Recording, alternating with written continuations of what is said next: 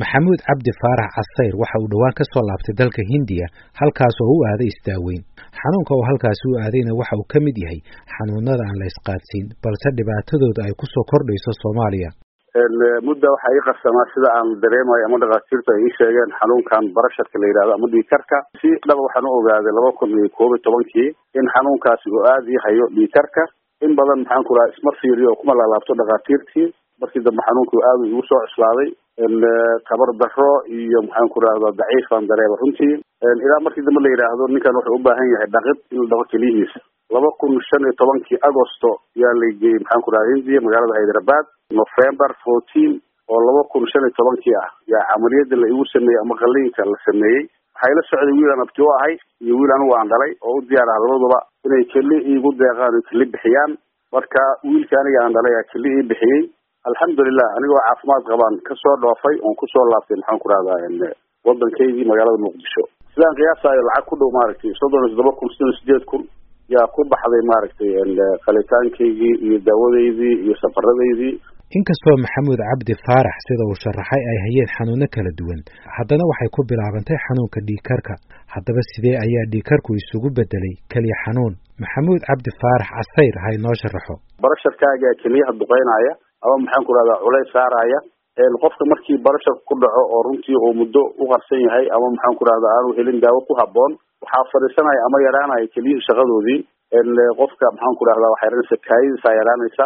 Maxaan ku rahdaa isaga dhan wuxuu noqonaya qof iska daciifa oo maaragtay aan tabar badan lahayn. Saameyntaasna waxaa iskale waxaa yaraanaya maxaan ku rahdaa dhaqdhaqaaqii ama maxaan ku rahda wareegii dhiigga uu ku sameynaya keliyaha oo wixii qashinan oo iska soo saari lahay wixii maxaan ku rahdaa manaaficdan oo jirka ku celin lahaa yaa maaragtay culays ku imaanaya ugu yidhahdeen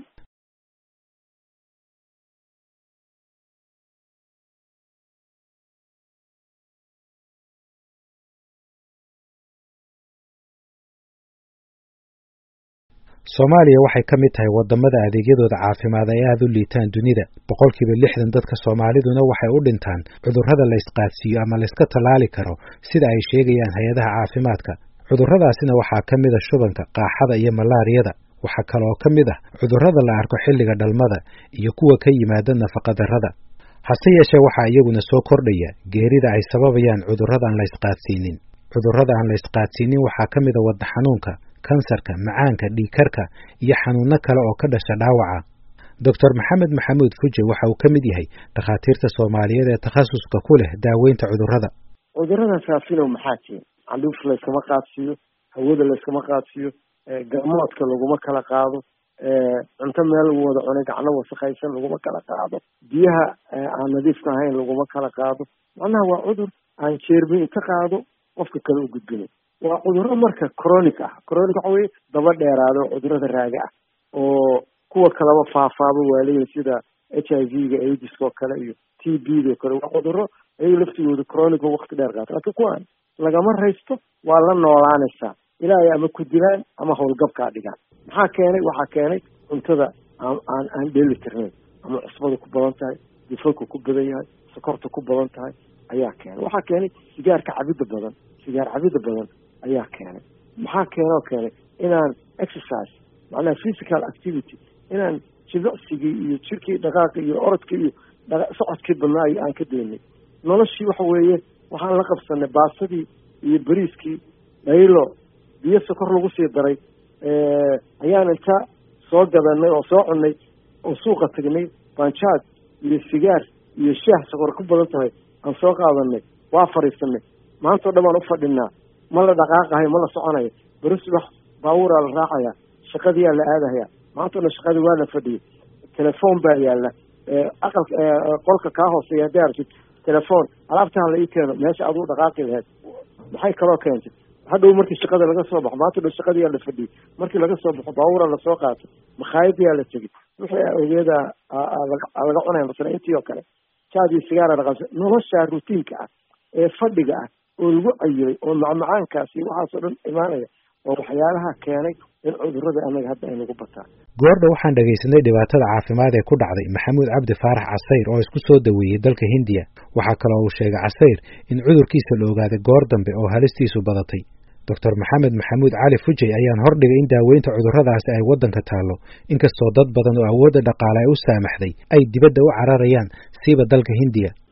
Daaweyntoodu waa sidee? Halkay dadku isku daweeyaan daaweyntoodu waa taallaawood daawooyinkaas soomaalidu ay isticmaasho oo adduunka laga keeno ayaa la isticmaala dawadooyinkoodu waa yaallaan. Waa la daweyn karaa. Laakiin waxaad ogaanaysaa cudurradaani marka ay soo baxaan iyo marka la ogaado waa marka ay soo baxaan waa goor dambe wey oo dhibaatooyin gobolkood ay leeyihiin. Qofaa masalba ku imaanaya. Farahaas faraa badoobaatay waxba ka dareemi maayo. Markaa markaasaa la ogaanaya qofki inuu sokor qabo. War sokor baa qabtaa maya ani weliga sokor laiguma sheegin. Laakiin complicationkii eelkii ay rabtay ayaa kuu muuqda. Kansarkii gelahaya sambabka mar alle markii la ogaado waa daah wax kaqabashadiisu waa yarta ya.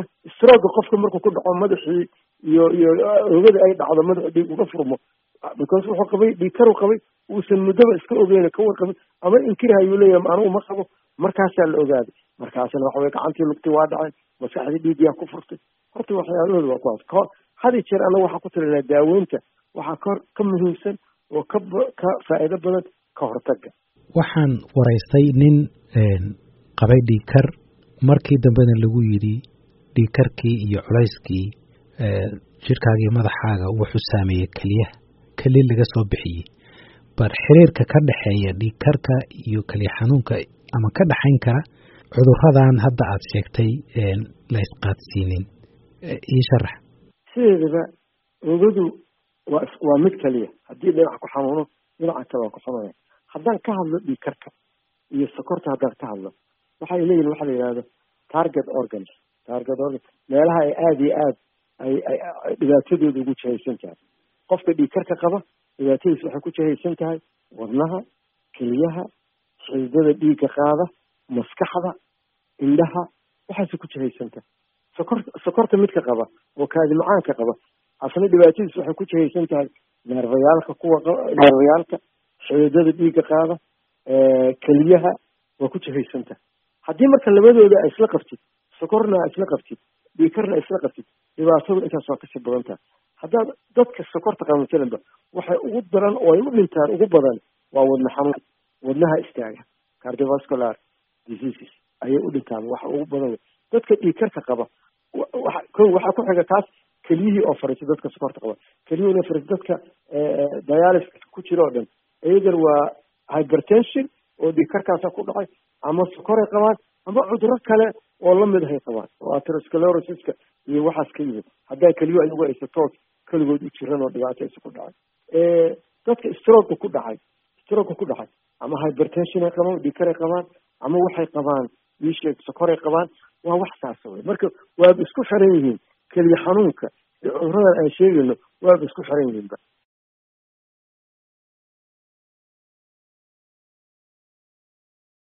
hay'adda caafimaadka adduunka ee w h o waxay barnaamijkan galka baarista u sheegtay in marka waddamada hore u maray loo eego aanay badnayn dadka u dhimanaya ama ay ku dhacayaan cudurrada aan la kala qaadin. Hase yeeshee waxay taasi ku sababaysay in cudurrada aan la kala qaadin ee aan soo sheegna ay ku dhacaan dadka da'doodu ay ka weyn tahay konton sano. Sidaasi darteedna maadaama soomaaliya qofku uu noolaado celcelis ahaan konton iyo shan sano ay dadku dhintaan ka hor inta aanay ku dhicin cudurrada aan la isqaadsiinin w h o waxay u sheegtay galka baarista inay sii kordhayaan wadna xanuunka iyo macaanka iyo weliba dhiigkarka. W h o waxay kaloo u sheegtay galka baarista in cudurradaan la isqaadsin ay xilligan mas'uul ka yihiin dhimashada boqolkiiba soddon iyo laba guud ahaan soomaaliya. Xanuunka wadnaha oo kun iyo sagaal boqol iyo sagaashankii ku jiray kaalinta lixaad cudurrada dadka dila waxa uu haatan soo galay kaalinta saddexaad. Sida ay sheegtay w h o waxaana cudurka wadna xanuunka keligiis u dhinta labiyo toban dhibic afar boqolkiiba guud ahaan soomaaliya waxaana ka horreeya oo keliya cudurrada saableyda sida t b-da iyo cudurrada kale ee faafa sida shubanka iyo kuwa ka dhasha nafaqadarrada iyo tallaal la'aanta. Doctor maxamed maxamuud cali fujay ayaan weydiiyey inay jirto tirakoob cilmiyeysan oo laga hayo cudurradan aan faafin. Qiyaas ay w h odu ay samaysay maahane weli cilmi baaris run ah oo national level ah macnaha heer qarana weli lama samayn laakiin w h odu waxay sheegtay sidanba soomaalida maantii shan garaamo oo cusbaa inay cunaan. Waxay sheegeen dadka dhiigkarka qaba sideed iyo toban jirka ka badan boqolkii labaatan iyo lix inay yihiin waxay sheegeen in dadka sokorta qaba ee sideed iyo toban jirka ka weyne boqolkiiba shan inay yihiin marka waa iska estimation. Dadka cayilan ee boqol sideed iyo tobanka ka weyn boqolkii toddoba inay yihiin iska wadacays laakiin haddii loo fiirso ragga iyo dumarka in dumarku boqolkii toban yahay oo uu ka badan yahay doctor cusmaan maxamuud dufle waxa uu si gaara uga hadlayaa dhimashada ka imanaysa xanuunka wadnaha iyo gaar ahaan waxyaabaha sababay inuu cudurkaasi haatan kor u kaco. Ha noqoto midda congenitalka oo carruurta ilmaha ku dhalanayo wadna xanuunka oo soo batay waa midda ugu horeysa markii loo kaco hadda xagga congenitalka ama yani ku imaanaya dhankaas iyo midka kale ee yani dabcan loo nisbeeyo yani xagga heart attacki ama wadnaha istaaga ama qofka stroke ku dhaca oo runta iyagana yani runta waxyaabaha soo kordhay aad iyo aad u soo batay ay ka mid tahay. Taasoo dabcan loo nisbeyn karaayo sigaarkii oo aad yani cabistiisa runtii u badatay shiishadii oo ku baahday oo noqotay outbreak.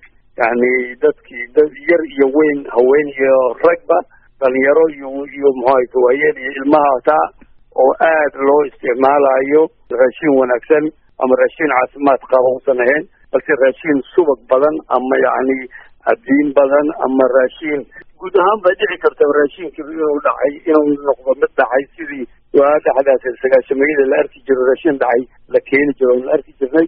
Cudurrada kale ee ku soo badanaya soomaaliya waxaa ka mid a kansarka. Cusmaan maxamuud dufle ayaa mar kale ka hadlaya sababaha loo nisbayn karo cudurkan kansarka. Waxaa loo waxaa la yidhaahdaa yani sida horta badanaa aan aragno ama yani weliba baarsiya qaarkood aan ku sameynay mid waa midkan kale oo hadda muxuu ahayto cudurrada faafa ay keenaan sida cagaarshooga noociisa b-ga ama c-ga uu keeno kaas waa cudurrada faafa ayuu related leeyahay ama le ayuu ku xiran yahay ogna o aragnaa. Oo weliba kan ugu badan ah. Waxaa kaloo ayadana jirta oo aan aragnaa cudurrada aan faafin markaan ka hadlayno iyo kansarka la xiriira sida dadkan beeraleyda ah waa beeraleyda dadkan beeraleyda ah oo maaragtay beeraha tacbada oo yani sameeya yani masagadii ama ama dalagii ku kaydiya dhulka hoostiisa waxaa la arkay ama weliba baarisho qaarna aan ku sameynay adduunkana laga wada ogaa in yani dhulka haddii lagu kaydiyo dhulka markuu la yeesho xariir markuu la yeesho inuu ku dhalanayo muxuu ahayto fungi fungigaasna uu ku dhaafayo aflatoxin wax la yidhaahdo aflatoxinkaasna ay tahay cancerogen ama cancer ay dhaliso. Kasakow haddaba in dhaqdhaqaaqa iyo cuntada ay qaadanayaan ay wax ka bedelaan wasiirka caafimaadka soomaaliya foosiye abikar nuur waxay leedahay waxaa loo baahan yahay sharci dejin gaar ahaan mid lagu xakamaynayo tubaakada. Tubaakada waxaan leenahay horta waa xakamayn xakamaynayo tubaakada waxyaalaha ku jira waxay tahay in yacni in tubaakada sigaarka oo kale cabidiisa iyo shiishada oo kale aan meelaha public lagu cabin oo passive smoking uu dhib leeyahay in canshuurtii lagu badiyo oo ma aragtay yacni taxationka kor loo qaado in aan laga gedin da-yarta aan qaangaarin ka hooseysa qaangaar da-da qaangaarka in lagu qoro yacni meeshii baakada uu ku jiray khatartiisa iyo yacni dadka si awareness loogu sameeyo marka arrimahaasaa ka jiro oo annaga waa saxiixnay marka waxaan isku dayeynaa kaas inaan marino haddii alla idmo ay noqoto maaragtay si loola dagaalo sharci dejin kale oo ka hortegi karta sababaha ka qayb qaadanaya korarka cudurradan halista ah sida kansarka waxaa ka mid ah la dagaalanka daawooyinka dhacay ama kuwa aan tayada lahayn ee waddanka soo gelaya. Wasiirka caafimaadka foosiye abikar nuur ayaa mar kale sharaxaysa waxa ay ka qabanayaan daawooyinkaasi.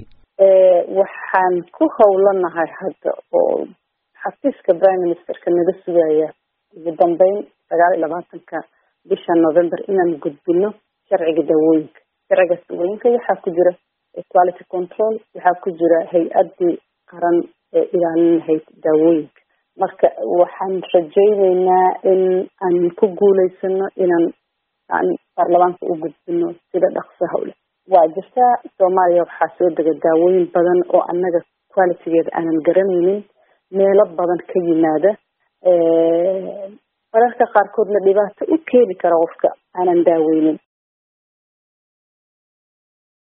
cudurrada wadnaha kansarka iyo macaanka waxay yimaadaan oo halistoodu ay badan tahay. Markii qofka da'diisu ay sii weynaato waxayse w h o ka digtay inay sii badan karaan shanta sano ee soo socota marka uu sii hagaago daryeelka caafimaad. Laakiin cudurrada ugu walaaca badan ee xilligan soomaalida sida weyn ugu soo badanaya ayaa ah xanuunka maskaxda. Hay'adda caafimaadka adduunka w h o waxay galka baarista u sheegtay in saddexdii qof ee soomaali ahba mid ka mida uu qabo nooc ka mid a xanuunada maskaxda. Tirakoobtaasina waa mid ka mid ah tan ugu badan dunida oo dhan homayun rizwan oo ka mid ah madaxda barnaamijyada xafiiska soomaaliya ee w h o ayaa sharaxaya sababaha uu xanuunka maskaxda ugu soo badanayo soomaaliya xilligan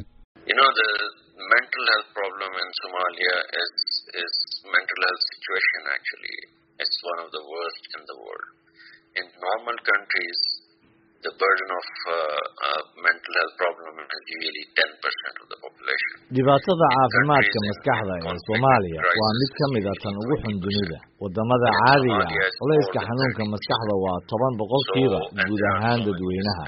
waddamada ay colaaduhu ka jiraan caadiyan waa labaatan boqolkiiba laakiin soomaaliya waxay ka badan tahay soddon boqolkiiba waxyaabaha sababayana waa ay badan yihiin ha ugu horeeyaan colaada raagtay fakriga shaqola'aanta isticmaalka qaadka waxyaabahaas oo dhan. Marka aad isku dartid waxaa lagu qiyaasayaa in saddexdii qof ee soomaali ahba mid uu qabo nooc xanuunka ka mid ah xanuunyada maskaxda. Nasiib darrada ugu weyn waxaa weeye in dadka bukaanka soomaaliya ay helaan taageero yar. Xarumaha lagu daweeyana way yar yihiin. Dhakhaatiirta caafimaadka maskaxda waa ay yar yihiin. Maalgelintuna maba jirto. Waxaa lagu iloobaa hawsha dhinaca gargaarka bini-aadamnimada oo aan u arkin caafimaadka maskaxda inay tahay halis nafeed. Dhinaca horumarinta waddamada deeqda bixiya waxay xoogga saaraan cudurrada dhalmada iyo daryeelka carruurta waana taas sababta keentay in la dayaco.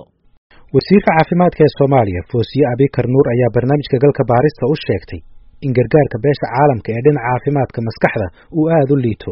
Waxayna u muuqataa ayay tidhi in weli beesha caalamku ay culayska saarayso barnaamijyada kale ee caafimaadka.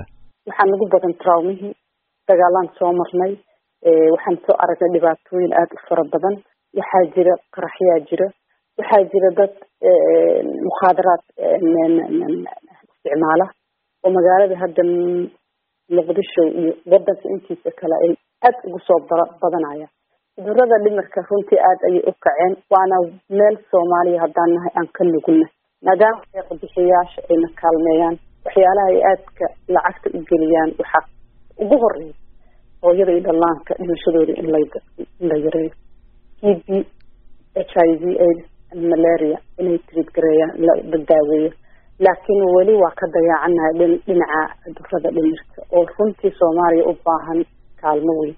Doctor cusmaan maxamuud dufle waxa uu ka digay in xaaladda dhimasho ee cudurradan ka dhalanaysa ay si weyn kor ugu kacdo tobanka sano ee soo socota haddii aan isbeddel weyn ka dhicin bulshada dhexdeeda.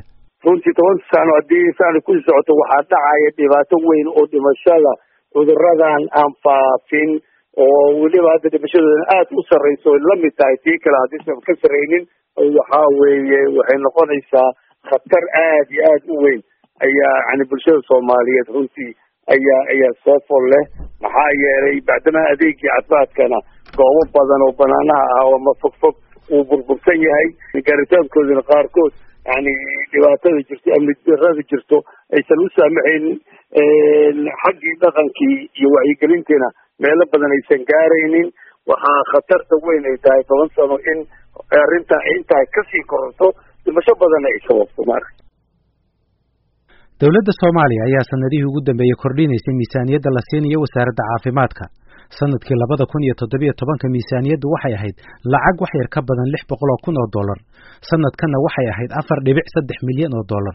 Sanadka soo socdana waxaa miisaaniyadda wasaaradda caafimaadka laga dhigay shan dhibic saddex milyan oo dollar inkastoo ay miisaaniyaddani aad u yar tahay marka loo eego waddamada kale haddana waxaa la rajaynayaa inay wax ka tarto cudurrada curyaaminaya mujtamaca soomaaliyeed